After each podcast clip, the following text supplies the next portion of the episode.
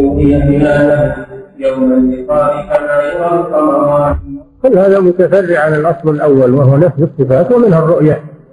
نعم. العقل أو مشهودة للحس أو في فطرة الرحمن. انظر كيف نصرف الآيات ثم هم يصدفون قال جل وعلا صرف الآيات وفصلها وبينها وأحكمها. نعم. أسمعتم لدليلكم في بعضها. خبرا أو أحسستم له ببيان. نعم الشيخ يتحداهم يقول هذا القرآن موجود بين أيدينا. هاتوا دليل من القرآن ينص على هذا الذي أنتم عليه إنه صحيح وإنه حق. ما في ما في دليل. ما في القرآن ولا آية واحدة. نعم يدل على هذا الشيء. أيكون أصل الدين ما تم الهدى إلا به وبه قوى الإيمان. وسواه ليس بموجب من لم يحق علما به لم ينج من كفران. والله ثم رسوله قد بينا طرق الهدى في غاية التبيان. أيكون أيكون أصل الدين ما تم الهدى إلا به وبه قوى وبه قوى الإيمان. أيكون أصل الدين ما تم الهدى إلا به وبه قوى الإيمان. وسواه ليس بموجب من لم يحق. علما به لم ينج من كفران. والله ثم رسوله قد بينا طرق الهدى في غاية التبيان. ليس بعد بيان الله وبيان رسوله بيان. وما ذكره الله في كتابه أو ذكره رسوله في سنته فهو الحق. وما سواه فإنه باطل. نعم. فلأي شيء أعرض عنه ولم تسمعه في أثر ولا قرآن لماذا الكتاب والسنة أعرض عن هذا الدليل الذي أنتم تتشدقون به ما أعرض عنه إلا لأنه باطل لو كان حقا لتضمناه وبيناه. لكن أتانا بعد خير قروننا وظهور إحداث من الشيطان نعم. لكن لكن أتانا بعد خير قروننا وظهور إحداث من الشيطان وعلى لسان الجهم جاء وحزبه من كل صاحب بدعة حيران. منشأ الضلال إنما حدث بعد القرون المفضلة حينما انتشرت الفرق الجهمية ومعتزلة وقدرية وشيعة بمختلف فرقها حدث هذا الخلل. وأما وقت القرون المفضلة وهي التي أثنى عليها رسول الله صلى الله عليه وسلم خيركم قرني ثم الذين يلونهم ثم الذين يلونهم. فما عرفت هذه الأشياء؟ ما كان المسلمون يشتغلون إلا بالكتاب والسنة. ما حدث علم المنطق وعلم الكلام وعلم الجدل ما حدثت هذه الأمور إلا بعد ما عربت كتب الروم واليونان على يد المأمون بسبب الوزراء الذين حوله أشاروا عليه وضللوه فحصل ما حصل. ولكن والحمد لله القرآن والسنة محفوظان والحق موجود لمن أراده. وإنما هذا ابتلاء وامتحان من الله سبحانه وتعالى للعباد ليتميز المؤمن من المنافق وطالب الحق من طالب الضلال. فما وجد شيء إلا بقضاء الله وقدر سبحانه وتعالى. ووجود هذه الحوادث هذه لحكمة إلهية من أجل الاختبار والامتحان. وأيضا هي عقوبة عوقب بها من أعرض عن الكتاب والسنة. لأن من ترك الحق ابتلي بالباطل. ترك الحق ابتلي بالباطل. فلما زاغوا أزاغ الله قلوبهم ونقلب أفئدتهم وأبصارهم كما لم يؤمنوا به أول مرة. ونذرهم في طغيانهم يعمهون. نعم. ولذلك اشتد النكير عليهم من سائر العلماء في البلدان. لما ظهرت هذه المقالة وهذه العلوم اليونانية ما سكت علماء الإسلام بل أنكروها وصاحوا بها وبأهلها. وهذه ردودهم وهذه كتبهم موجودة تشهد بذلك. فهذا دليل على حفظ الله لهذا الدين وأنه يقيض له من يدافع عنه ويصد أعداءه. ولذلك اشتد النكير عليهم من سائر العلماء في البلدان. صاحوا بهم من كل قطر بل رموا صاحوا بهم من كل قطر بل رموا في إثرهم بشواقب الشهبان. صاحوا بهم من كل قطر بل رموا في إثرهم بثواقب الشهبان. ودليل ذلك هذه الكتب التي بأيدينا ترد على علماء الكلام وتفند أقوالهم. هذا دليل على أن العلماء ما سكتوا على هذا الباطل بل أنكروه وبينوا بطلانه نعم. عرفوا الذي يفضي إليه قولهم ودليلهم بحقيقة العرفان. العلماء ما فعلوا هذا إلا لأنهم عرفوا ما يفضي إليه كلام هؤلاء من الباطل. فلذلك فندوه وردوه وشنعوا على من قاله. فالإمام أحمد رحمه الله وقف. موقفه المشهور من الفتنة خلق القرآن. وقف في وجهها وصبر على المحنة وعلى الضرب وعلى السجن حتى أظهر الله الحق. وخذل الباطل. شيخ الإسلام بن تيمية صبر على السجن والتغريب حتى أنه مات في السجن رحمه الله. ومنعت عنه الكتب ومنع عنه الحبر والأقلام. يخافون يكتبه في السجن. لكن هل كتبه الآن تتألق ولله الحمد؟ تظهر.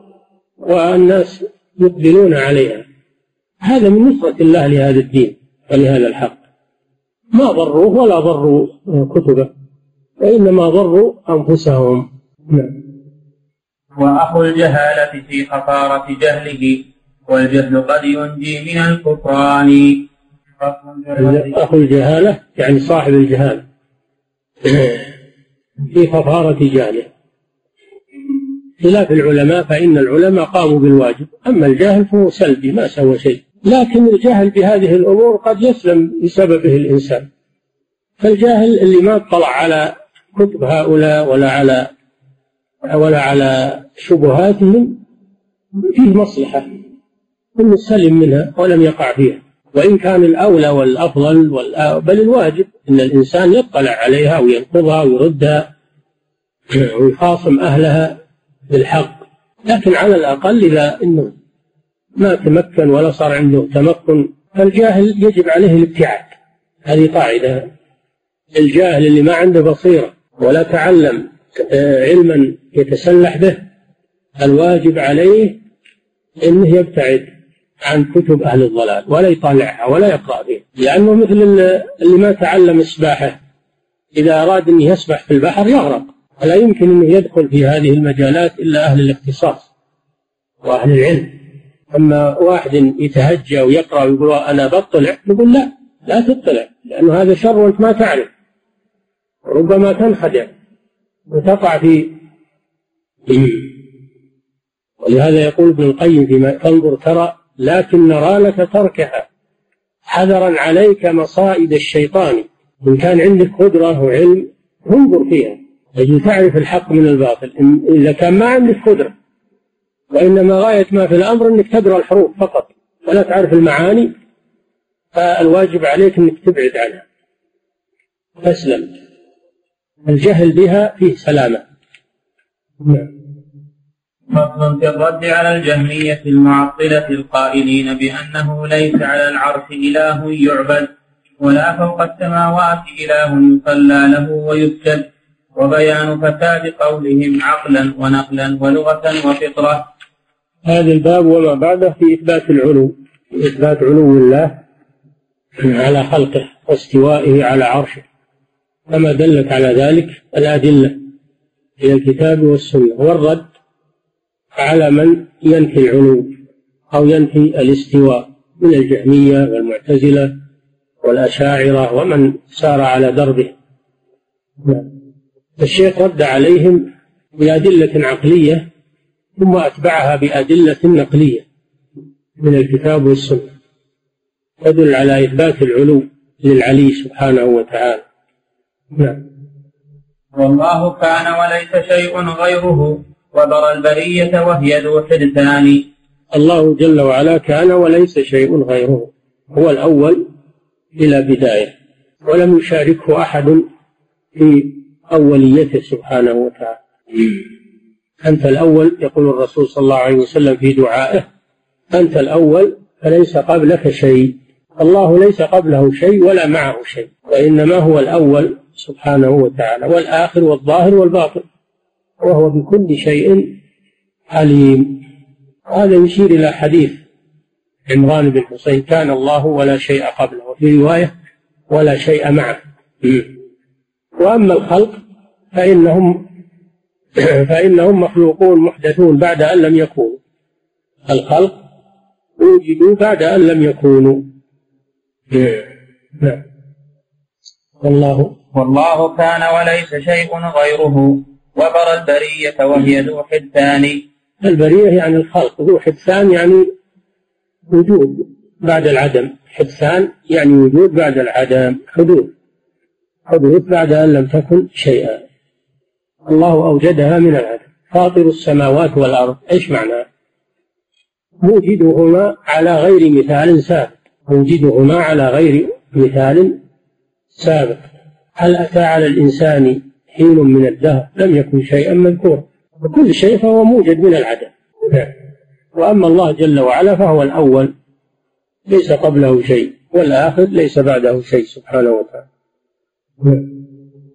والله كان وليس شيء غيره وبر البرية وهي ذو حدثان فسل المعطل هل يراها خارجا؟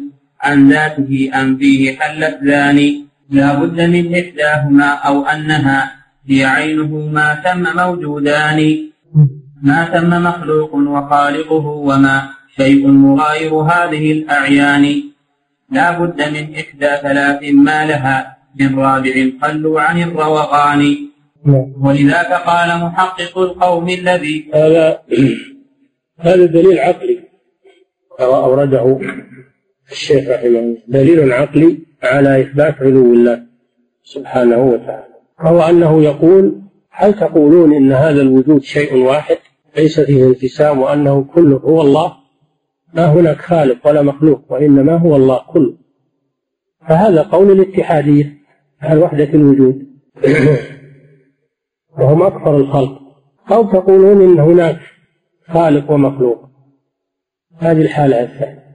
إذا قلتم إنه خالق ومخلوق فهل هذه المخلوقات هل الله جل وعلا حال فيها ولا خارج عنها؟ فإن قلتم إنه حال فيها فهذا قول الحلولية وهو قريب من قول الاتحادية. وإن قلتم إنه خارج عنها فهذا هو المطلوب. يكون الله جل وعلا بائنا من خلقه فوق سماواته عال على مخلوقاته سبحانه وتعالى. هذه ثلاثة أمور لا بد منها. أما القول بوحدة الوجود هذا كفر وإلحاد أو القول بالحلول هذا كفر وإلحاد أو القول بالعلو وأن. وأن الخالق جل وعلا بائن من خلقه منفصل عنه. هذا هو الحق. ثلاثة أمور لا بد من أحدها. ما لكم عنها فإن قلتم ما نعم هو ما نقول له داخل العالم ولا خارج العالم. إن هذا محال. القول الرابع لا محال. إنه يقال إن الله ليس داخل العالم ولا خارج العالم هذا محال. لأن الشيء ليس الذي ليس بداخل ولا خارج هذا غير موجود. كل موجود فلا بد اما يكون داخل العالم وإما خارج العالم. أما شيء لا داخل العالم ولا خارج العالم هذا محال. وهذا هو المعدوم. وهذه اللي يصرحون بها الآن في كتب عقائدهم. يقول الله جل وعلا لا داخل ولا خارج ولا فوق ولا تحت ولا يمنع ولا يسرى ولا ولا. هذا هو النفي المحض والعدم تعالى الله عما يقولون. نعم. لا بد من إحدى ثلاث ما لها. من رابع قلوا عن الروغان. ولذاك قال محقق القوم الذي رفع القواعد مدعي العرفان وهو بالعربي. قال ما ما فيه انقسام. ما فيه انقسام بين الخالق والمخلوق كله الخالق كله هو الله. نعم. وحدة الوجود. نعم. ولذاك قال محقق القوم الذي رفع القواعد مدعي العرفان. يعني قواعد الكفر والإلحاد. نعم. هو عين هذا الكون ليس بغيره أن وليس مباين الأكوان. نعم. يقول هو هو هذا الكون. الله هو هذا الكون كله. ما في خالق ومخلوق. يعني لو قلنا في خالق ومخلوق صار في شرك. والله لا شريك له. فيكون هو هو. من تمام التوحيد عندهم يقال ليس في خالق ولا مخلوق وإنما شيء واحد كل هذا الكون. نعم. هو عين هذا الكون ليس بغيره. هو يعني الله. هو عين هذا الكون ليس بغيره. أن وليس مباين الأكوان. كلا وليس مجانبا أيضا لها فهو الوجود بعينه وعيانه. هذا كلام ابن عربي. إن لم يكن فوق الخلائق ربها بل قول هذا القول في الميزان. إذ ليس يعقل بعد يقول يقول ابن القيم إذا إذا نفيتم العلو علو الله على خلقه فإنكم لا بد أن تقولوا بمخالف ابن عربي. نعم. نعم. إن لم يكن فوق الخلائق ربها. يعني إن لم تثبتوا العلو فأنتم تقعون في ما وقع فيه ابن عربي. إما الحلول وإما الوحدة. الحلول قول النصارى والوحدة قول ابن عربي. اختاروا أحد المذهبين. أو اختاروا الحق وقولوا الله جل وعلا فوق السماوات فوق مخلوقاته. نعم. إن لم يكن فوق الخلائق ربها فالقول هذا القول في الميزان يقول ابن عربي. تلزمكم إذ ليس يعقل بعد إلا أنه قد حل فيها وهي كالأبدان.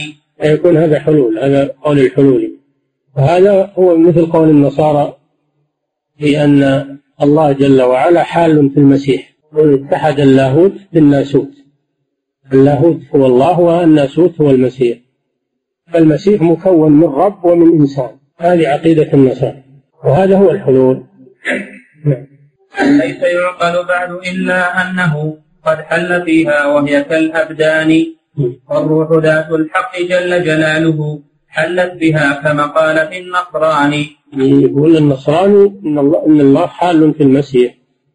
وأنتم تقولون إن الله حال في هذا الكون وداخل فيه كدخول الروح في الجسم. كدخول الروح في الجسم. تحركه وتصرفه الله داخل في هذا العالم كدخول الروح في الجسم. فهذا قول المسيح قول استغفر الله قول النصارى في المسيح. ومن اتحد الرب بالإنسان وهو المسيح.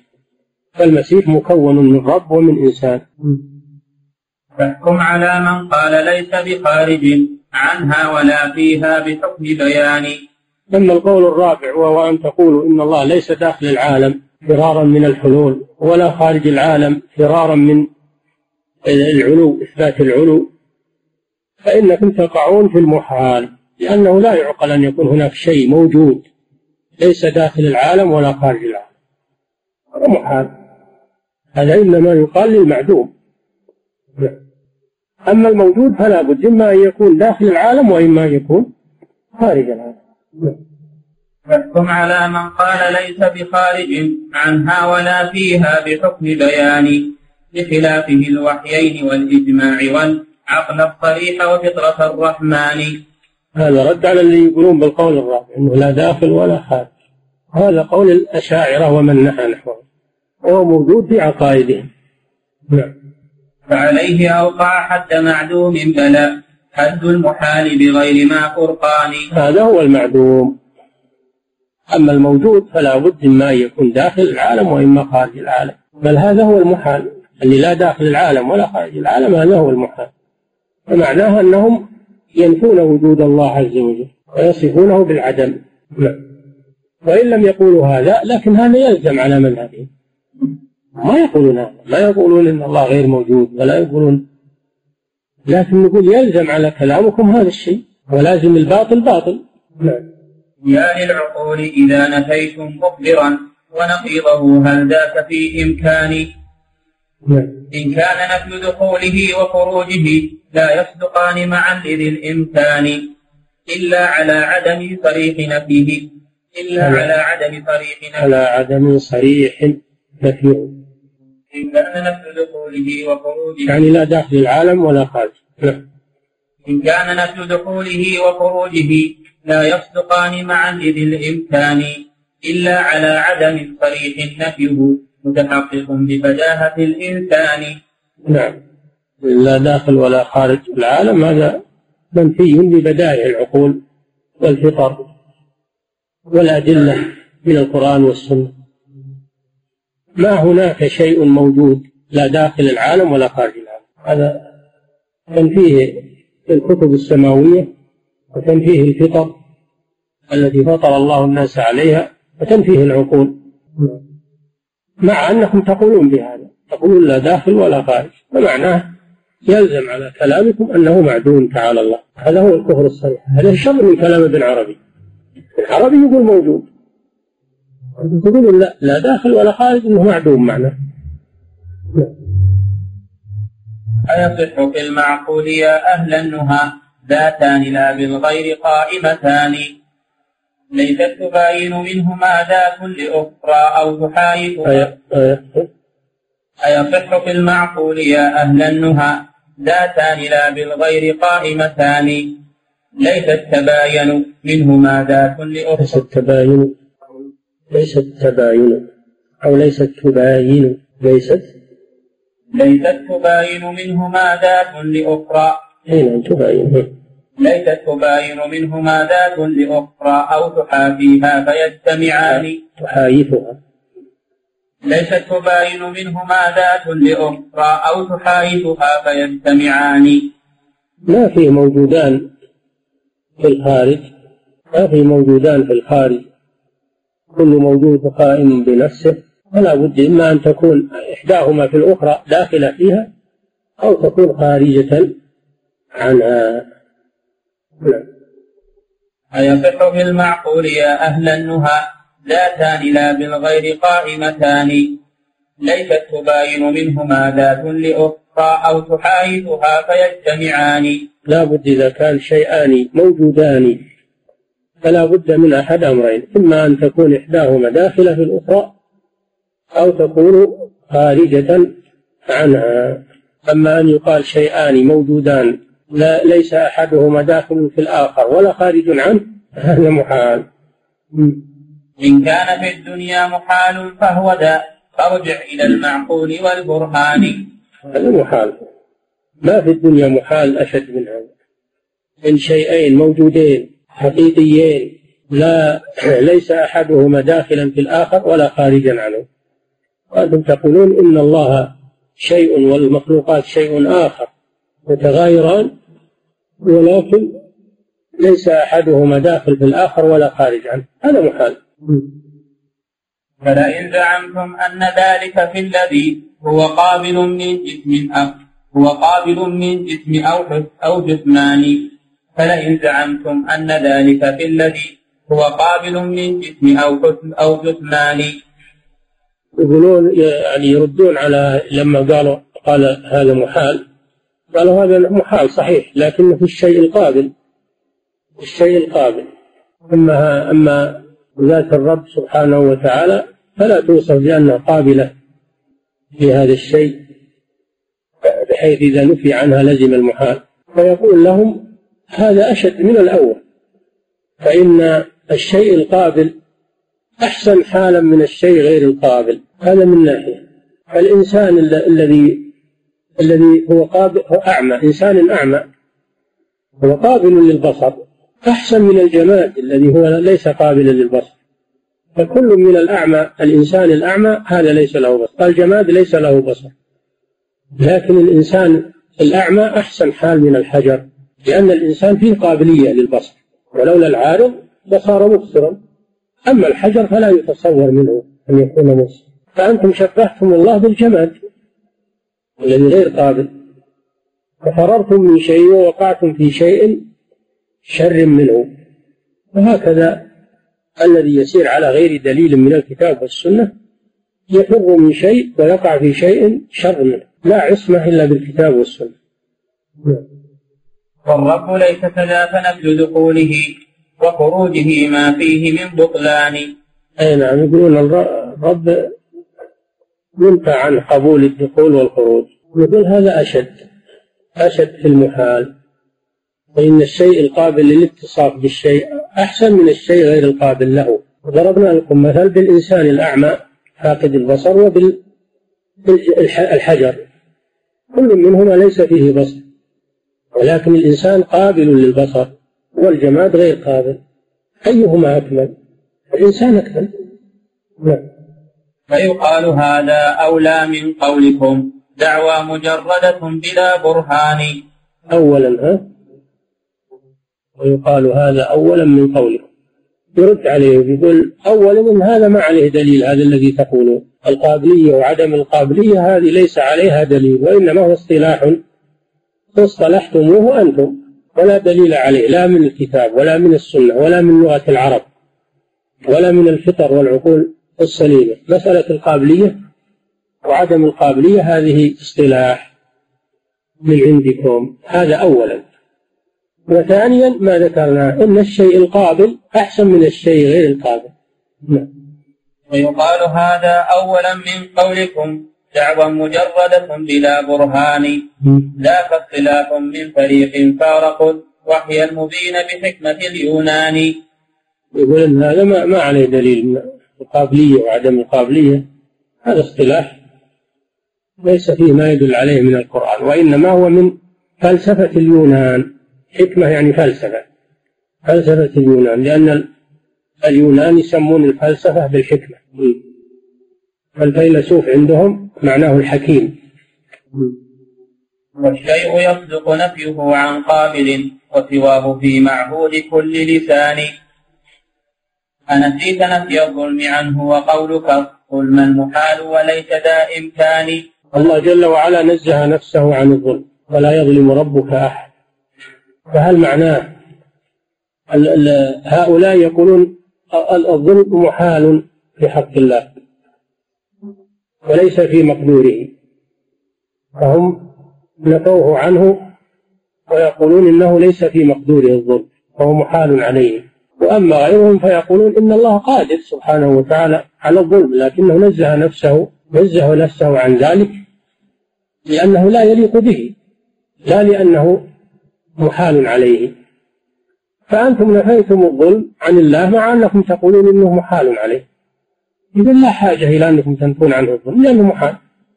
فلا حاجة إلى أنكم تنفون عن الله الدخول والخروج في العالم لأنه محال عندكم.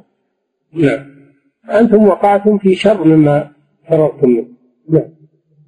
أنفيت نفي الظلم عنه وقولك ظلم المحال وليس ذو إمكان. إذا كان محال عليه الظلم فلماذا ينفى عنه؟ ما نفي عنه إلا لأنه ممكن في حقه سبحانه وتعالى ولكنه لا يريده ولا يليق به سبحانه وتعالى. نعم. ونسيت نفي النوم والسنة التي ليست لرب العرش في الإمكان. نعم. والله نزه نفسه عن النوم والسنة. فهل معناه أنه محال عليه النوم والسنة أو معناه أنه أنه منزه عنه ولا يليق به سبحانه وتعالى لكمال حياته لكمال حياته وقيوميته؟ نعم. ونسيت نفي الطعم عنه وليس ذا مقبولة والنفي في القرآن فهو يطعم ولا يطعم سبحانه وتعالى. لأن أكل الطعام نقص. لأن ما يأكل الطعام إلا إنسان لا يأكل الطعام إلا من هو محتاج إليه. الله جل وعلا غني عن خلقه. فنفي الطعم عنه سبحانه لكماله ولهذا استدل على بطلان إلهية المسيح وأمه بقوله كانا يأكلان الطعام. هذا رد على النصارى الذين يقولون بإلهية المسيح وأمه. كيف يكون المسيح وأمه إلهين وهما يأكلان الطعام؟ والذي يأكل الطعام محتاج. الله جل وعلا منزه عن الحاجة والغني عن خلقه سبحانه وتعالى. نعم.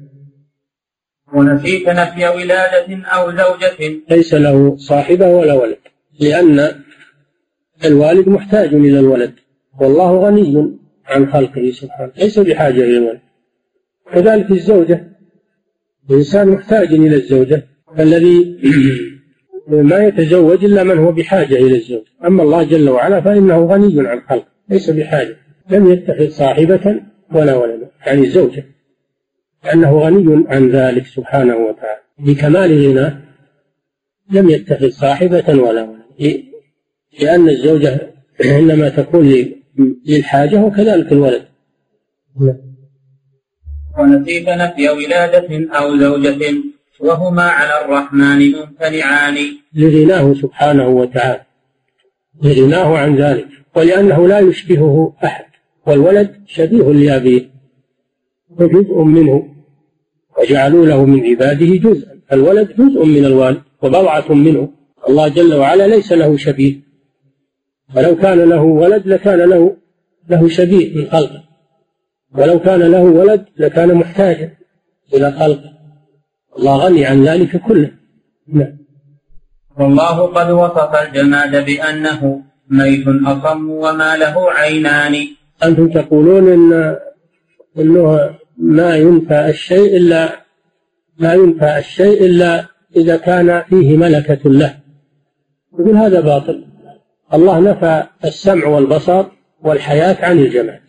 مع أن الجماد غير قابل لهذه الأمور. قال تعالى أموات والذين يدعون من دون الله لا يخلقون شيئا وهم يخلقون. أموات غير أحياء وما يشعرون أيان يبعثون. فنفى عنها الحياة مع أنها جماد غير قابلة للحياة. ليبين بطلان عبادتها. وقال سبحانه وتعالى في في الأصنام ألهم أرجل يمشون بها؟ أم لهم أيدي يبطشون بها؟ أم لهم أعين يبصرون بها؟ أم لهم آذان يسمعون بها؟ فنفى عن هذه الأشياء هذه الصفات. مع أنها جماد ودل على أن الشيء ينفى ولو كان المنفي عنه غير قابل له. نعم. والله قد وصف الجماد بأنه ميت أصم وما له عينان. نعم. وكذا نفى عنه الشعور ونطقه والخلق نفيا واضح التبيان. هذا وليس لها قبول للذي ينفى ولا من جملة الحيوان. ليست قابلة لهذه الأمور ومع هذا نفى هذه الأشياء عنها. ليبين بطلان عبادتها أنها لا تسمع ولا تبصر ولا تتكلم. وعلى آله وصحبه أجمعين. قال ابن القيم رحمه الله تعالى ويقال أيضا ثانيا من صح هذا الشرط كان لما هما ضدان لكن في غير البدن كلاهما لا يحدثان وليس يرتفعان. وقال أيضا نثبت بقبوله وهما يزيد حقيقة الإمكان بل ذاك نفي قيامه بالنفس أو بالغير في الإدراك والأذهان. وإذا المعقل وإذا المعقل قال إن قيامه بالنفس أو بالغير ذو بطلان ليس يقبل واحدا من بين من بين الأمرين إلا وهو ذو إمكان اسم يقوم بنفسه أيضا كذا عرض يقوم بغيره. فقوام في حكم إمكان وليس بواجب ما كان فيه حقيقة الإمكان وكلاهما ينفي الإله حقيقة. وكلاهما في نفسه سيان ماذا يرد عليه من هو مثله من هو مثله بالنفي صدقا إذ هما عدلان والفرق ليس بممكن لكما بعدما ضاهيت هذا النفي في البطلان ومثال هذا النفي ما قد قلته حرفا بحرف أنتما صوان والخصم يزعم أن ما هو قابل إليهما تتقابل في مكان افرق لنا فرقا يبين يبين مواقع الكاف والتعطيل بالبرهان أو لا تعطي القصد دائما وخلي وكشف عنك وكثرة الهذيان بسم الله الرحمن الرحيم. الحمد لله والصلاة والسلام على رسول الله. وبعد. هذا تابع للدليل العقلي الأول في الرد على نقاط العلوم تابع للسؤال الذي أورده عليهم وناقشهم فيه وأبطل شبهاتهم وألزمهم بالحجة لأن الله سبحانه وتعالى بائن من خلقه فوق مخلوقاته عالم على خلقه مستو على عرشه. هذا هو مدلول العقل الصريح. وسيأتي إن شاء الله أيضا دليل آخر في سياق آخر. نعم. أصل في سياق هذا الدليل على وجه آخر. حاصل هذا الدليل من وجه آخر. الوجه الأول انتهى. سياقه من وجه آخر يقال هل ترون أن الله سبحانه وتعالى موجود في الأذهان فقط أو موجود خارج الأذهان؟ وإذا قالوا هو موجود خارج الأذهان لأنهم إن قالوا أنه موجود في الأذهان فقط عطلوا ونفوا وجود الرب سبحانه وتعالى. وإن قالوا موجود خارج الأذهان وهذا لابد يقال مثل ما قيل في الأول هل ترون أنه هو هذا العالم أو هو غير هذا العالم؟ فإن قالوا هو هذا العالم هذا وحدة الوجود هذا هو وحدة الوجود. وإن قالوا هو غير هذا العالم يقال لهم هل هو داخل العالم ولا العالم داخل فيه؟ فإن قالوا بأحد الأمرين إن داخل العالم أو العالم في داخله يقال هذا هو الحلول هذا مذهب الحلولية. الذين يقولون إن الله حال الكائنات وهذا أخبث من مذهب النصارى. لأن النصارى إنما قالوا بحلوله في شخص واحد وهو المسيح. وأنتم تقولون إنه حال في كل شيء. وهذا من أبطل الباطل. فإن قالوا إنه ليس في ذاته شيء من مخلوقاته ولا في مخلوقاته ولا ولا في مخلوقاته شيء من ذاته فهذا هو الحق. إذا يكون هو مباينا لخلقه مباينا لخلقه. فيقال لهم هل هو هو الآن صار شيء والخلق شيء آخر؟ أقررتم بهذا. وأنه ليس حالا في خلقه ولا خلقه حال حال هل تقولون إنه عرض لا يقوم بنفسه. العرض هو الذي لا يقوم بنفسه كالألوان كالبياض والحمرة والصغرى الألوان هذه أعراض لا تقوم بنفسها وإنما تقوم بغيرها. فإذا قالوا هذا قالوا إنه عرض لزمهم القول بالحلول. وإن قالوا أنه غير عرب إنما هو ذات ووجود مستقل فهذه هي النتيجة المطلوبة أن الله جل وعلا كائن قبل كل شيء وأنه بائن من خلقه فيلزم إثبات العلو لأن أليق الجهات بحقه سبحانه من العلو. والمخلوقات كلها تكون تحته سبحانه وتعالى فحصر حينئذ في نهاية هذا الدليل حصر المطلوب. نعم وإن قالوا أنه لا داخل العالم ولا خارج العالم ولا فوق ولا تحت لزمهم الباطل. لأن هذا لا يكون له وجود. اللي ليس داخل ولا خارج ولا فوق ولا تحت ولا يمنى ولا يسرى هذا هو العدم. نعم. وسلم العقل عن مسائل خمسة ترفي قواعده من الأركان ترفي قواعده من الأركان المعقل هل تقول إلى هنا؟ إلى هنا. إلى هنا المعبود حقا خارج الأذهان. نفى هذا هذا فذاك معقل للرب حقا بالغ الكفران. إذا قال أنه موجود في الأذهان لا في الأعيان. هذا تعطيل. نعم. وإذا أقر به فسلب ثانيا فتراه غير جميع الأكوان. إذا أقر بأنه خارج الأذان وتقول هل وجوده وجود هذه الكائنات فقط هذا وحدة الوجود. نعم.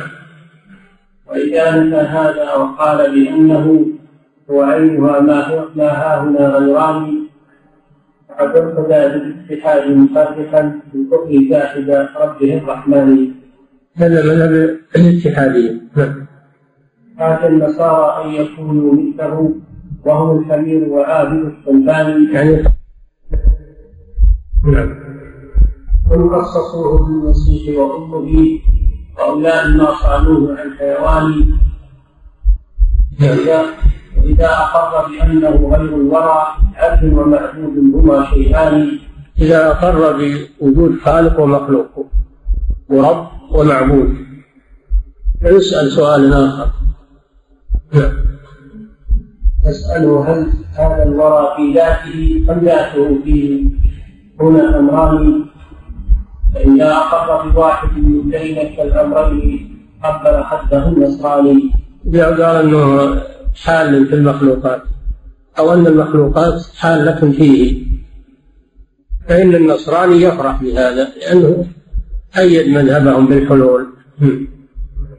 ويقول أهلا بالذي هو مثلنا. خشاء حمى وحبيبنا الحقاني. إذا الأمرين تسأله إذا فذاته استغنت عن الأكوان نعم. وإذا الأمرين تسأله إذا إذا تسأله إذا فذاته استغنت عن الأكوان نعم. إذا تقام بنفسه أم قام ذنب بالأعيان كالأعراض والألوان.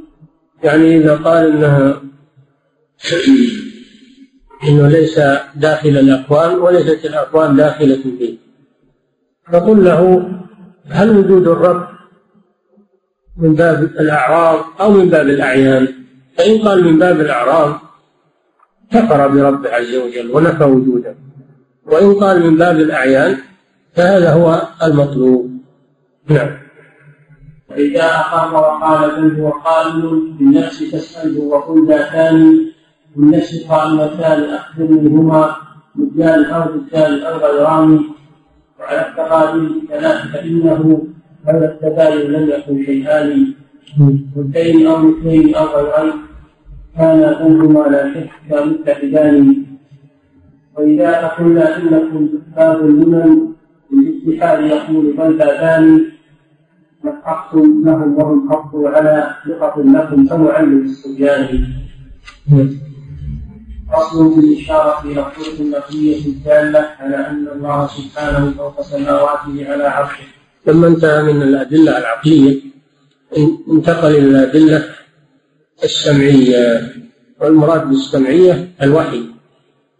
أدلة الوحي من الكتاب والسنة. أدلة الوحي كافية بلا شك. ولكن هو أورد الأدلة العقلية من باب الرد عليهم بمذهبهم وسلاحهم من باب قتلهم بسلاحهم وإلا فالأدلة النقلية كافية. ولكن لما كانوا هم لا يستدلون بالأدلة النقلية فلو أنت استدللت عليهم بها قالوا إحنا ما نعترف بهذا إحنا نستدل بأدلة العقل. هو أراد أن يسد عليهم الطريق وأن يناقشهم بمثل سلاحهم. فأورد الدليلين السابقين. نعم. ولقد أتانا عشر أنواع من المنقول في فوقية الرحمن. في القرآن يقول فيه عشرة أدلة وعشرة أدلة ودليل يعني 21 دليل في القرآن على إثبات العلو.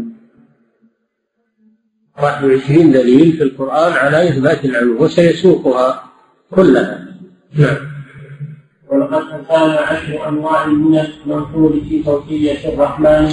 فوقية الرحمن يعني علو. الرحمن على مخلوقاته نعم. مع مثلها أيضا تزيد بواحد مع مثلها يعني عشرة مع عشرة المجموع عشرون. تزيد بواحد واحد وعشرين دليل. نعم. مع مثلها أيضا تزيد بواحد. ها نحن نسردها بلا حكمان ها نحن نسردها. ويبينها لكم. نعم. منها استواء الرب فوق العرش في صدر أتت في محكم القرآن. الأول الدليل الأول أن الله سبحانه وتعالى أخبر أنه استوى على العرش في سبعة مواضع من كتابه. ثم استوى على العرش. والعرش هو أعلى المخلوقات. ليس فوقه مخلوقات. والله جل وعلا فوق العرش. فهذا فيه إثبات العلو. هذا فيه إثبات العلو لله عز وجل. نعم. وكذلك افترضت بالإعلام ولو كانت بمعنى المال في الأذهان أتت بها في موضع كي يحمل كي يحمل الباقي عليها في البيان الثاني. آه كل آيات الاستواء جاءت بلفظ استوى على العرش وليس في واحدة منها استولى على العرش لأنهم هم يقولون معنى استوى استوى نقول لو كان هذا هو المراد لجاء في بعض الآيات باللام فقال استولى علشان تكون مفسرة للآيات الأخرى. فلما اضطردت كلها بدون لام دل على أن المراد غير الاستيلاء أن الاستواء غير الاستيلاء وهو الارتفاع والعلو. كما فسرها بذلك سلف فتفسير الاستواء بالاستيلاء باطل لأنه لم يأتي به دليل وإنما زادوا هذه اللام كما زاد اليهود النون في حطة فقالوا حنطة. فهذه الزيادة تشبه زيادة اليهود. لما قيل لهم قولوا حطة يعني حط عنا ذنوبنا قالوا حنطة حرفوا الكلام. حنطة معروف هو الطعام المعروف. وهذا فيه تحريف لكتاب الله عز وجل. نعم. ادخلوا الباب سجدا وقولوا حطة يعني حط عنا ذنوبنا. فغيروا له وقالوا حنطة. يعني هم حول الأكل فقط ما هم حول الاستغفار وطلب المغفرة. نعم. وأيضا هذا من باب العبث بكتاب الله عز وجل. كذلك الأشاعرة على نفس الخط. عبثوا بكتاب الله. زادوا هذه اللام استوى قالوا استولى لا. اللام هذه زائدة من عندهم. نعم. ونظير هذا ونظير ذا إضمارهم في موضع حملا على المذكور في التبيان. لا يدنون مع اعتراض الدون. نعم. ونظير هذا إضمارهم. لو لو ونظير ذا قبل قبل وكذلك اختارت بآلام ولو كانت بمعنى المال في الأذهان أتت بها في موضع لكي يحمل الباقي عليها من بيان الثاني. ونظير ذا إضماره في موضع حل العلم المذكور في التبيان لا يؤمنون مع اضطراب دون ذكر يغنى المحذوف دون بيان. بل في محل الحق يحصل ذكره.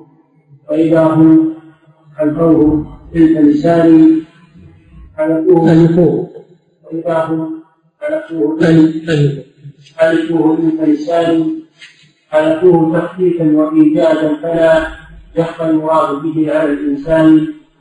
هذا من عشرين وجها ومن عشرين وجها يقتل التفسير باستولى للعرفان. قد أخرجت بمصنف لإمام هذا الشأن بحر العالم الفقراني قد أخرجت بمصنف صنف. بمصنف لإمام هذا الشأن هذا الشأن.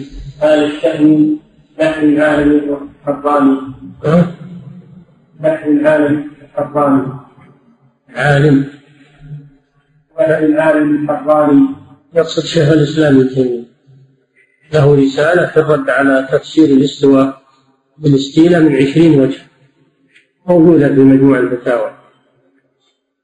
رد على تفسير الاستواء بالإستيلاء من عشرين وجه. نعم.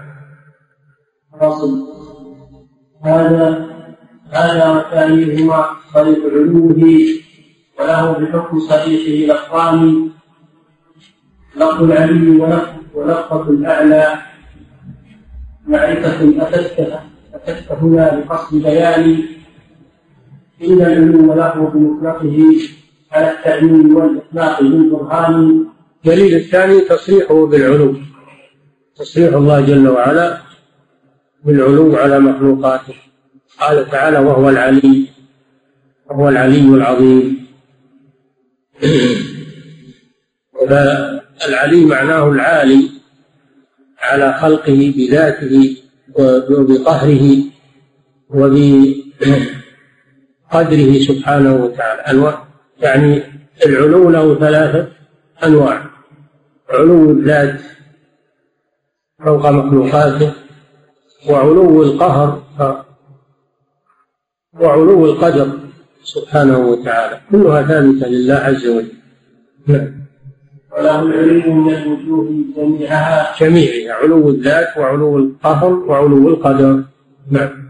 أما من فسر العلو بأنه علو القدر هو القهر فقط وأنكر علو الذات فهو جهمي. نعم. وله العلم من الوجوه جميعها. ذاتا وقهرا مع علو الشان هذه هذه الثلاثة. نعم. ذاتا وقهرا مع علو الشان اللي هو القدر. نعم. لكن نفاق علوه سلكوه إكمال العلوم فصار ذا نقصان. يفسرون بالمعنيين فقط علو القهر وعلو علو القدر فقط ويجحدون علو الذات. فصار ذا نقصان صار تفسيرهم ناقصا. بل ليس هو المطلوب. نعم. حاشاه من افك النفاق وسلبهم فله الكمال المطلق الرباني. هذا تنزيه لله عن هذا التفسير حاشاه يعني الرب سبحانه وتعالى عن إفك هؤلاء. والإفك معناه الكذب. أنهم كذبوا على الله سبحانه وتعالى. حيث فسروا علوه بغير معناه الصحيح. نعم. وعلوه فوق الخليقة كلها. فطرت عليه الخلق والثقلان. الفطرة هذا دليل الفطرة. كل الناس العوام والمتعلمون والجهال والحضر والبدو كلهم إذا دعوا الله يتجهون إلى العلو. يتجهون إلى العلو ويرفعون أيديهم إلى السماء ووجوههم وقلوبهم. تتجه إلى السماء فطرة. ما تعلموا ولا درسوا ولكن فطرتهم هي التي وجهتهم إلى جهة العلو إن الله فطرهم على هذا انظر إلى أي عامي أو أي أعرابي أو بدوي إذا دعا انظر ماذا يتجه.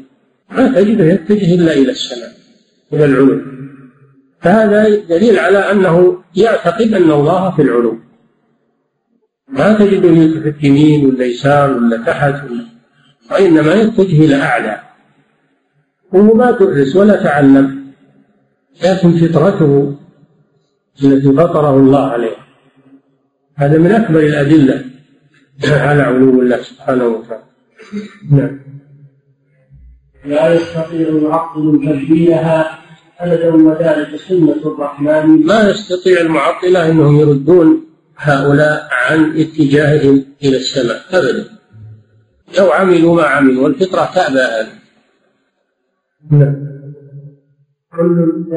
قال تعالى فطرة الله التي فطر الناس عليها لا تبديل لخلق الله. ما أحد يقدر يغير الفطرة التي فطر الله الناس عليها. نعم. كل إذا ما نابه أمر يرى متوجها بضرورة الإنسان نحو العلو فليس يقبض قلبه وأمامه أو جانب أو جانب الإنسان. طيب هذا مضطرد يعني في الناس كلهم عند الدعاء يتوجهون إلى العلو ويرفعون أيديهم ووجوههم حتى الدواب والبهائم. هذا دليل واضح على علو الله على خلقه. نعم. ونهاية الشبهات تشكيك وتخفيف وتخدير على الإيمان. لا يستطيع تعارض المعلوم والمعقول عند بدائه الأذهان. أن المحال الخلق في المعلوم بالشبهات هذا بيت البطلان يعني أنهم في شبهاتهم وتلبيساتهم ما يستطيعون يغيرون هذه الفطرة في الناس وفي المخلوقات. شبهاتهم تبقى دائرة عليهم فقط. نعم محاصرة فيهم. ليس لها سريان في الخلق نعم. وإذا البدائل قابلتها هذه الشبهات لم تحتج إلى بطلان وكان بين مقالة أوصى بها بعض لبعض أول للثاني ومقالة فطر الإله عباده حقا عليها ما هو عدنان يعني أن الفطرة التي فطر الله الناس عليها لا تستوي مع مذهب من المذاهب التي أحدثوها وتواصوا بها وعلى أوصوا بها تلاميذهم.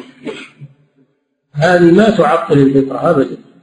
وإن درسوها لتلاميذهم وزوقوها بالحجج و... فإنها لا تتعدى مكانها. نعم. فصل. هذا وثالثها صريح الفرق مصحوبا بمن وبدونها نوعان الدليل الثاني ذكر دليلين الآن. دليل الاستواء. دليل الاستواء. ودليل العلو. إن الله صرح بالعلو في كثير من الآيات. ووصف نفسه بالعلو. الدليل الثالث أن الله وصف نفسه بالفوقية. قال تعالى وهو القاهر فوق عباده. قال تعالى يخافون ربهم من فوقهم ويفعلون ما يؤمرون. والفوقية معناها العلو فهو فوق كل شيء سبحانه وتعالى. نعم. إحداهما هو قابل التأويل والأصل الحقيقة وحدها ببيان. وإذا ادعى تأويل ذلك مدع وإذا ادعى تأويل ذلك مدع ولم تقبل الدعوى بلا برهان. لكننا المجرور ليس بقابل لكننا المجرور ليس بقابل تأويل في لغة وعرف لسان. وأصل فائدة دليل قدرها. تهديك للتحقيق وهو القاهر فوق عباده. هذه بدون بدون من في الآية الأخرى يخافون ربهم من فوقهم. من فوقهم. هذه جاءت بمن؟ مجرورة. ومعنى الآيتين واحد. إثبات علو الله سبحانه وتعالى على خلقه. نعم.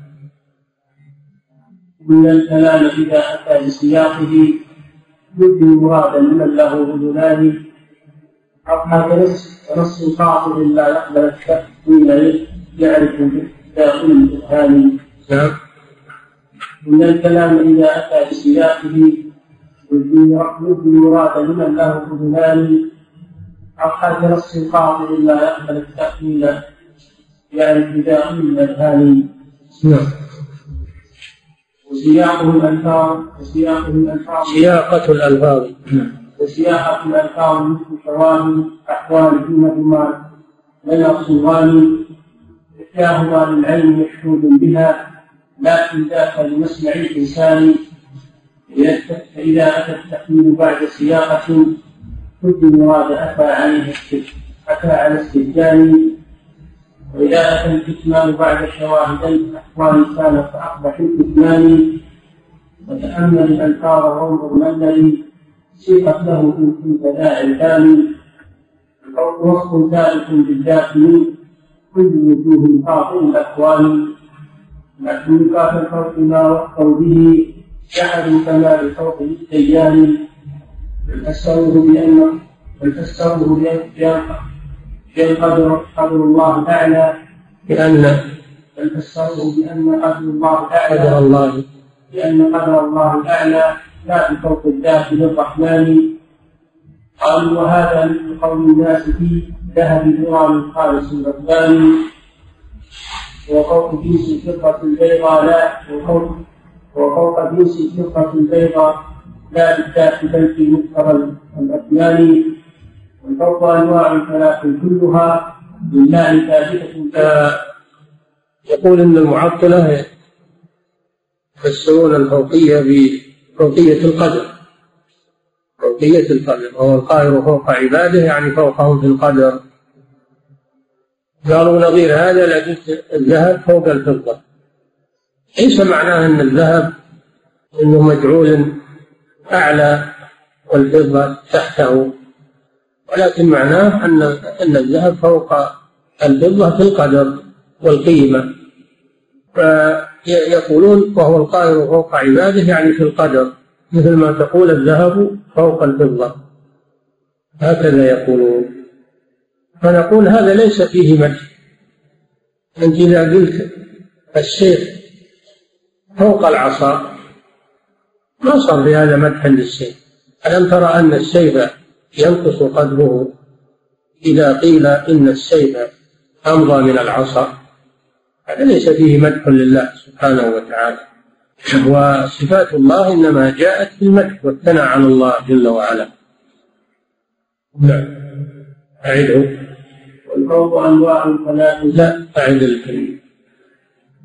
والقول وصف ثابت بالذات من كل الوجوه لبعض الأكوان من كل الوجوه يعني الذات والقدر والقهر. نعم. لكن صفات الفوق ما وقف لكن لكن صفات الفوق ما وقفوا به جحد كما الفوق بالديان سبق انه قال أن النفاة نقصوا تفسير الفوقية. جحدوا معنى من معانيها هو المقصود وهو فوقية الذات. نعم. بل فسروه بأن قدر الله الأعلى لا بفوق الذات للرحمن.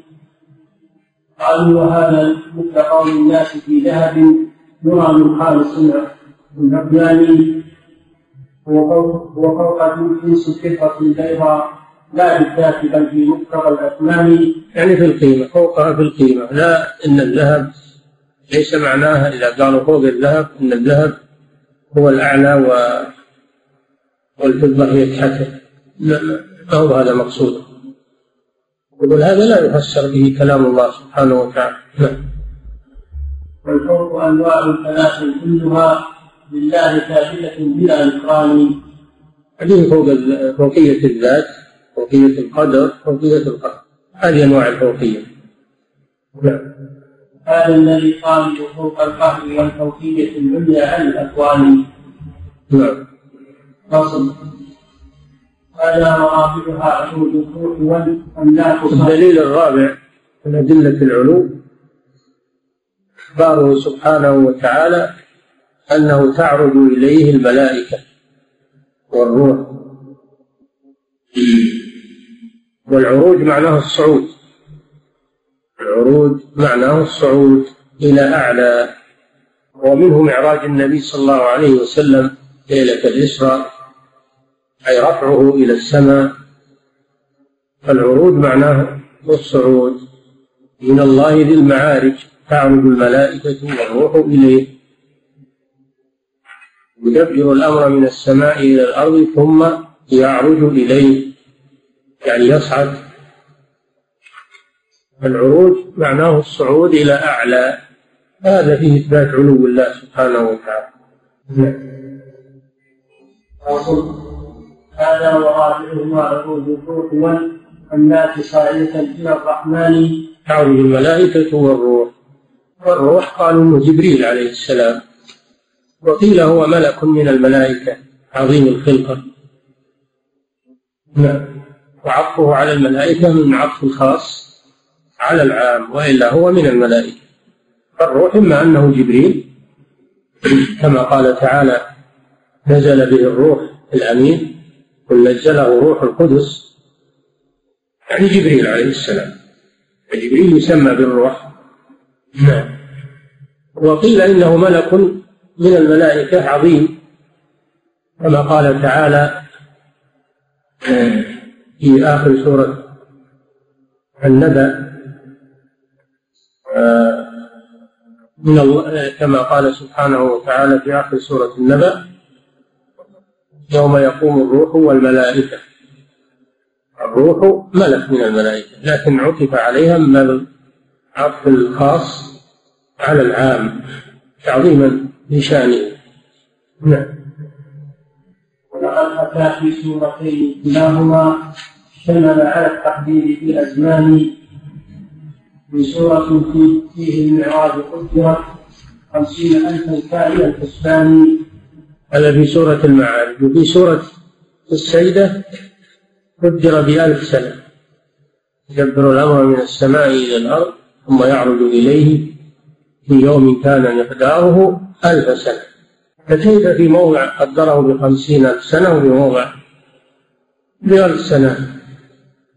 هذا إشكال لكن للعلماء عنه أجوبة كثيرة سيذكرها الآن. نعم. وسجد التنزيل أن قدرت ولأجل ذا قالوا هما يومان ومن معابد بالمعراج ذكره واليوم واليوم في تنزيل فيه الآن. يعني ان إن العروج الذي يكون في يوم القيامة هو اللي مقداره خمسين ألف سنة. أما العروج الذي قبل ذلك فهو في ألف سنة هو المقدر. يعني يومان مختلفان.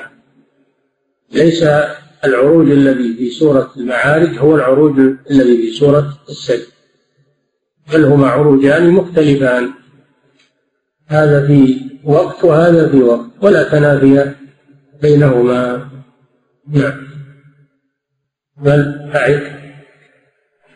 وبسجدة التنزيل أنت قدرت فلأجل قالوا هما يومان.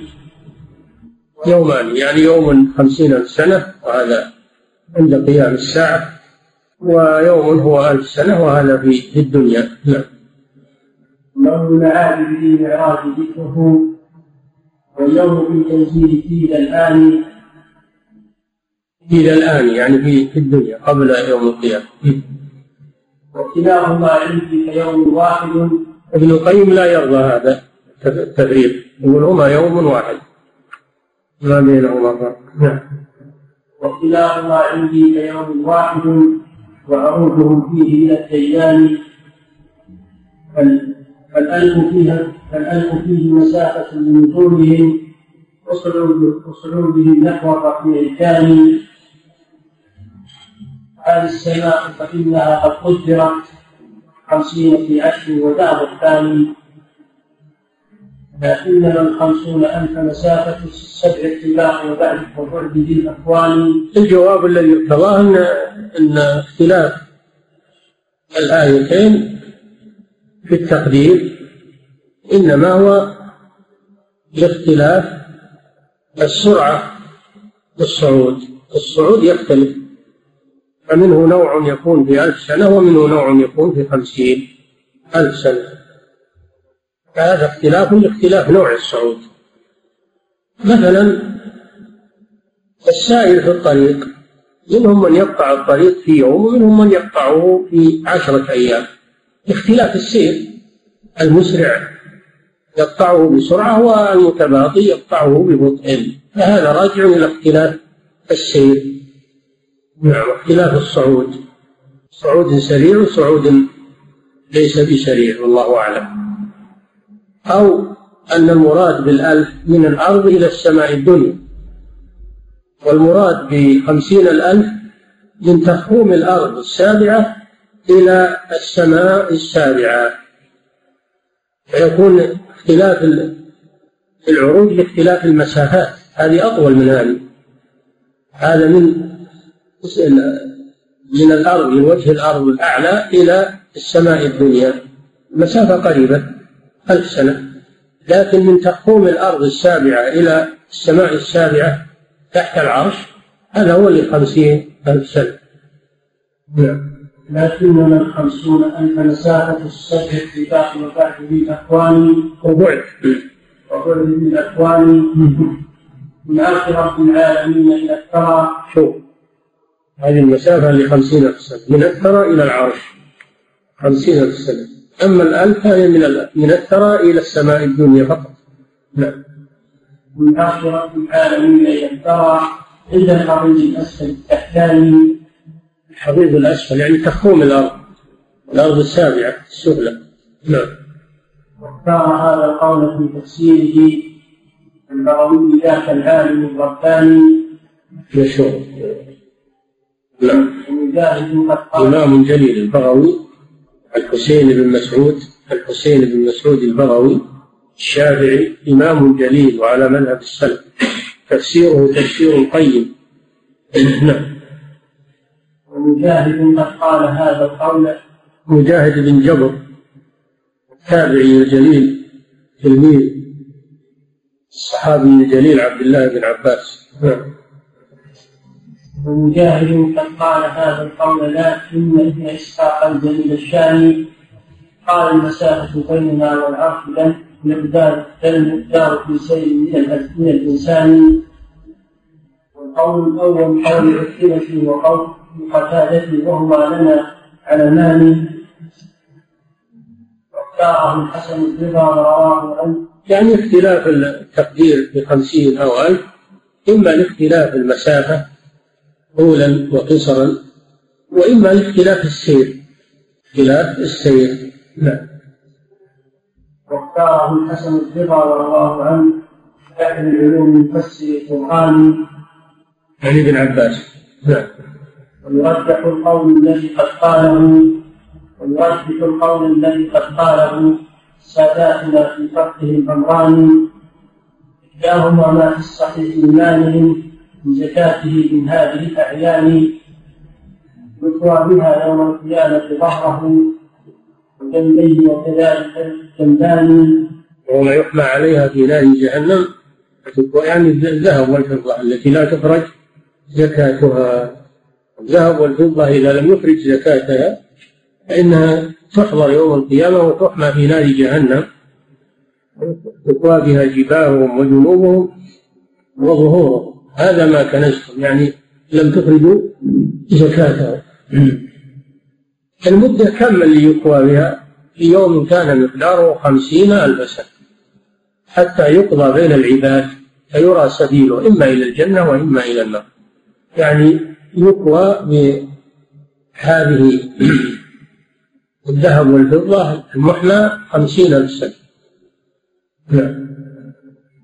يقوى بها يوم القيامة ظهره وجبينه وكذلك الجنبان خمسون ألفا قتل ذاك اليوم في هذا الحديث وذاك ذو تبيان نعم. الظاهر اليومان الظاهر الظاهر اليومان في الوجهين يوم واحد ما فيهما يومان. قالوا وإيراد الصيام يبين المأمور منه بأوضح التبيان إلى الإجمال. ممن ممن يرونه ونراه ما تفسيره ببيان. ويوم التفسير أولى من هذا في واقع القرب والجيران. ويكون ذنوبهم في هذه الدنيا ويوم ويوم قيامه الأبدان ويوم قيامه الأبدان ونزولهم أيضا هنا ثابت ونزولهم أيضا هنا للشام. وعروضهم بعد القضاء كعروضهم أيضا هنا فله إذا شأنان ويزول هذا السقف يوم معادنا فعروضه بالعرش والرحمن. هذا وما ورد فيه لدي وعلمه هذا وما وردت لدي وعلمها. هذا وما اتضحت لدي وعلمها. الموصول بعد الموصول بعد من نفس القرآن. ابن القيم لما ذكر الأقوال في الجواب عن اختلاف تقدير في الآيتين توقف هو يقول ما اتضح عندي شيء من هذه الأقوال. معناه أنه يتوقف. نعم. الله أعلم. وأعوذ بالرحمن من جسم بلا علم هذا قال كل كان والله أعلم بالمراد بقوله ورسوله المبعوث في القرآن. نعم. لكن الآيات تدل على على علو الله لأن فيها العروج والعروج هو الصعود. أما مسألة تقدير المسائل تقدير العروج بخمسين ألف سنة أو بألف سنة هذا يرد علمه إلى الله الله أعلم بمراده به. هذا هو الجواب السليم. نعم. هذا والخامس صعود كلامنا الخامس الدليل الخامس من أدلة العلو الصعود إليه أن الله أخبر بالصعود إليه. إليه يصعد الكلم الطيب والعمل الصالح يرفعه. الصعود معناه الارتفاع ارتفاع إلى أعلى. دل على علو الله جل وعلا على مخلوقاته وأنه تصعد إليه الأقوال الصالحة والأعمال الصالحة. نعم. وكذا خروج الباقيات الصالحات الليل من أعمال الإيمان. نعم. وكذا خروج تصدق من طيب أيضا إليه عند كل أوان كل هذا ثبتت به الأدلة أن الصدقة تصعد إلى الله وأن الأعمال الصالحة تصعد إلى الله وأن الأقوال والذكر يصعد إلى الله إليه يصعد الكلم الطيب العمل الصالح يرفعه. هذا يدل على علو الله على عرشه لأن الصعود لا يكون إلا من أعلى إلا من أسفل إلى أعلى. نعم. واطلاعهم بملائكة قد وكلوا منا بأعمال وهم بدلان. وهم بدلان يعني ملائكة بالليل وملائكة بالنهار ينزلون ويصعدون. أخبر النبي صلى الله عليه وسلم أنهم ينزلون إلينا ويصعدون إلى الله. تعاقبون. ملائكة بالليل يأتون في صلاة العصر ويستمرون إلى الفجر. وملائكة بالنهار يأتون في الفجر ويبقون إلى إلى العصر. نعم. يحصون أعمال بني آدم خيرها وشرها ويصعدون به إلى الله سبحانه وتعالى. نعم. وإليه تعرض بكرة وعشية. بكرة يعني في الفجر وعشية يعني في العصر. نعم. ولهذا قال الله جل وعلا في صلاة الفجر وقرآن الفجر إن قرآن الفجر كان مشهودا يعني تحضره الملائكة ملائكة الليل وملائكة النهار. ويجتمعون في صلاة العصر أيضا. ولذلك صارت صلاة العصر الصلاة الوسطى. الله جل وعلا يقول حافظوا على الصلوات الصلاة الوسطى وهي صلاة العصر. بفضلها لشهود الملائكة. هي. نعم. وإليه تعرض بكرة وعشية. الصبح معهم على القرآن. وقرآن الفجر. إن قرآن الفجر يعني صلاة الفجر. سميت قرآنا لأنها تطول فيها القراءة. نعم. مشهودة يعني تحضره الملائكة. نعم. يشهدون ويعرضون إليه بأعمال سبحان العظيم الشان. نعم. وكذاك سأل الليل ترفعه إلى الرحمن قبل النهار الثاني. يرفع إليه. يصعد إليه عمل الليل قبل النهار وعمل النهار قبل الليل. نعم كما في الحديث. وكذاك سأل النوم يرفعه له من قبل ليل الفاتح الإنسان. نعم. حفظ يعني الملائكة حفظ وكذلك معراج الرسول إليه حق ثابت ما فيه من نقصان ثبت في الصحاح عروج النبي صلى الله عليه وسلم من بيت المقدس إلى الرب سبحانه وتعالى. هذا في في سورة النجم. قال تعالى ثم دنا فتدلى فكان قاب قوسين أدنى سورة النجم. ما ضل والنجم إذا هوى ما ضل صاحبكم وما غوى وما ينطق عن الهوى إن هو إلا وحي علمه شديد القوى يعني جبريل عليه السلام. ذو مرة فاستوى وهو بالأفق الأعلى. دل هذا على أن الرسول صعد إلى الأفق الأعلى. ثم دنا فتدلى فكان قاب قوسين أو أدنى دنا من الرب سبحانه وتعالى. أوحى الله إليه بما شاء. أوحى إلى عبده ما أوحى. فدل القرآن على عروج النبي صلى الله عليه وسلم. والأحاديث الصحيحة تثبت عروج النبي صلى الله عليه وسلم. وأما الإسراء قد ذكره الله في القرآن. وهو ذهاب الرسول صلى الله عليه وسلم من المسجد الحرام إلى المسجد الأقصى ليلا. سبحان الذي أسرى بعبده ليلا من المسجد الحرام إلى المسجد الأقصى. نعم. فالإسراء هو الذهاب من المسجد الحرام إلى المسجد الأقصى. وأما المعراج فهو الصعود من المسجد الأقصى إلى السماوات العلى. نعم. في ليلة واحدة. نعم. وكذاك معراج الرسول إليه حق. ثابت ما فيه من ذكران من جاوز الصفحة اتفاق قدنا. منه إلى أن قدر قوسان. كان قاب قوسين أو أدنى. من الله جل وعلا. يعني قريب من الله. نعم. والآدم من موسى إليه صاعدا. خمسا رجال الفرد في البستان. وكان ينزل من عند الله إلى موسى. ثم يسأله موسى ما فرض الله عليكم فخمسين صلاة في اليوم والليلة فما زال يتردد بين موسى وبين ربه حتى خفف الله عنه الخمسين إلى خمس صلوات. نعم. وكذا عيسى المرتضى. من من أدلة العلو الرفع. الله جل وعلا صرح بالرفع إليه. والرفع إنما يكون إلى أعلى قال الله يا عيسى إني متوفيك ورافعك إلي. الرفع يقتضي أنه رفع من الأرض إلى الله في السماء. ورافعك إلي.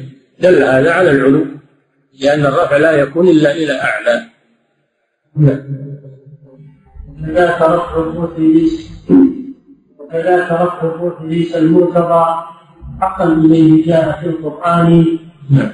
وكذاك تصعد الروح كل مخفف كذلك من أدلة العلو أن أرواح المؤمنين عندما تقبض بالموت ترفع إلى السماء. ترفع إلى السماء وتفتح لها أبواب السماء. ثم يأمر الله تعالى بها فتعاد إلى الأرض بعد إكرامها و... وأما أرواح الكفار فإنها يسعد بها ولكن تغلق دونها أبواب السماء فتطرح إلى الأرض.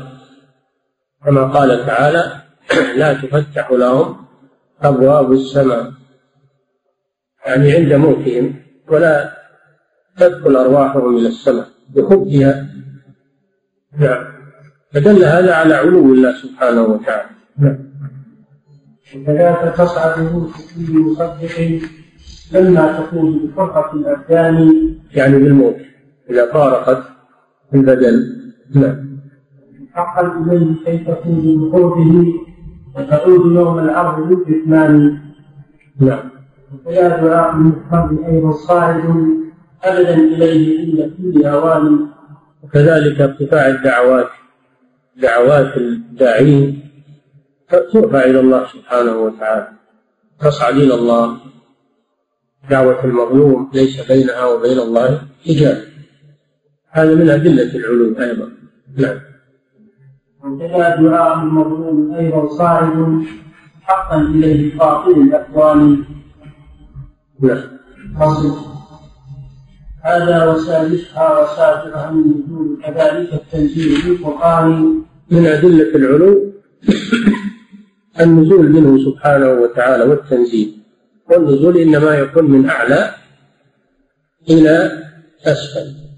فأخبر الله جل وعلا أنه ينزل الملائكة وينزل الوحي من عنده إلى أنبيائه ورسله. ينزل الملائكة بالروح أفحمه موسى عليه السلام بالحجة. قال لأجعلنك من المسجونين. ما عنده غير هذا. عنده غير القوة. ما عنده حجة يهدد كليم الله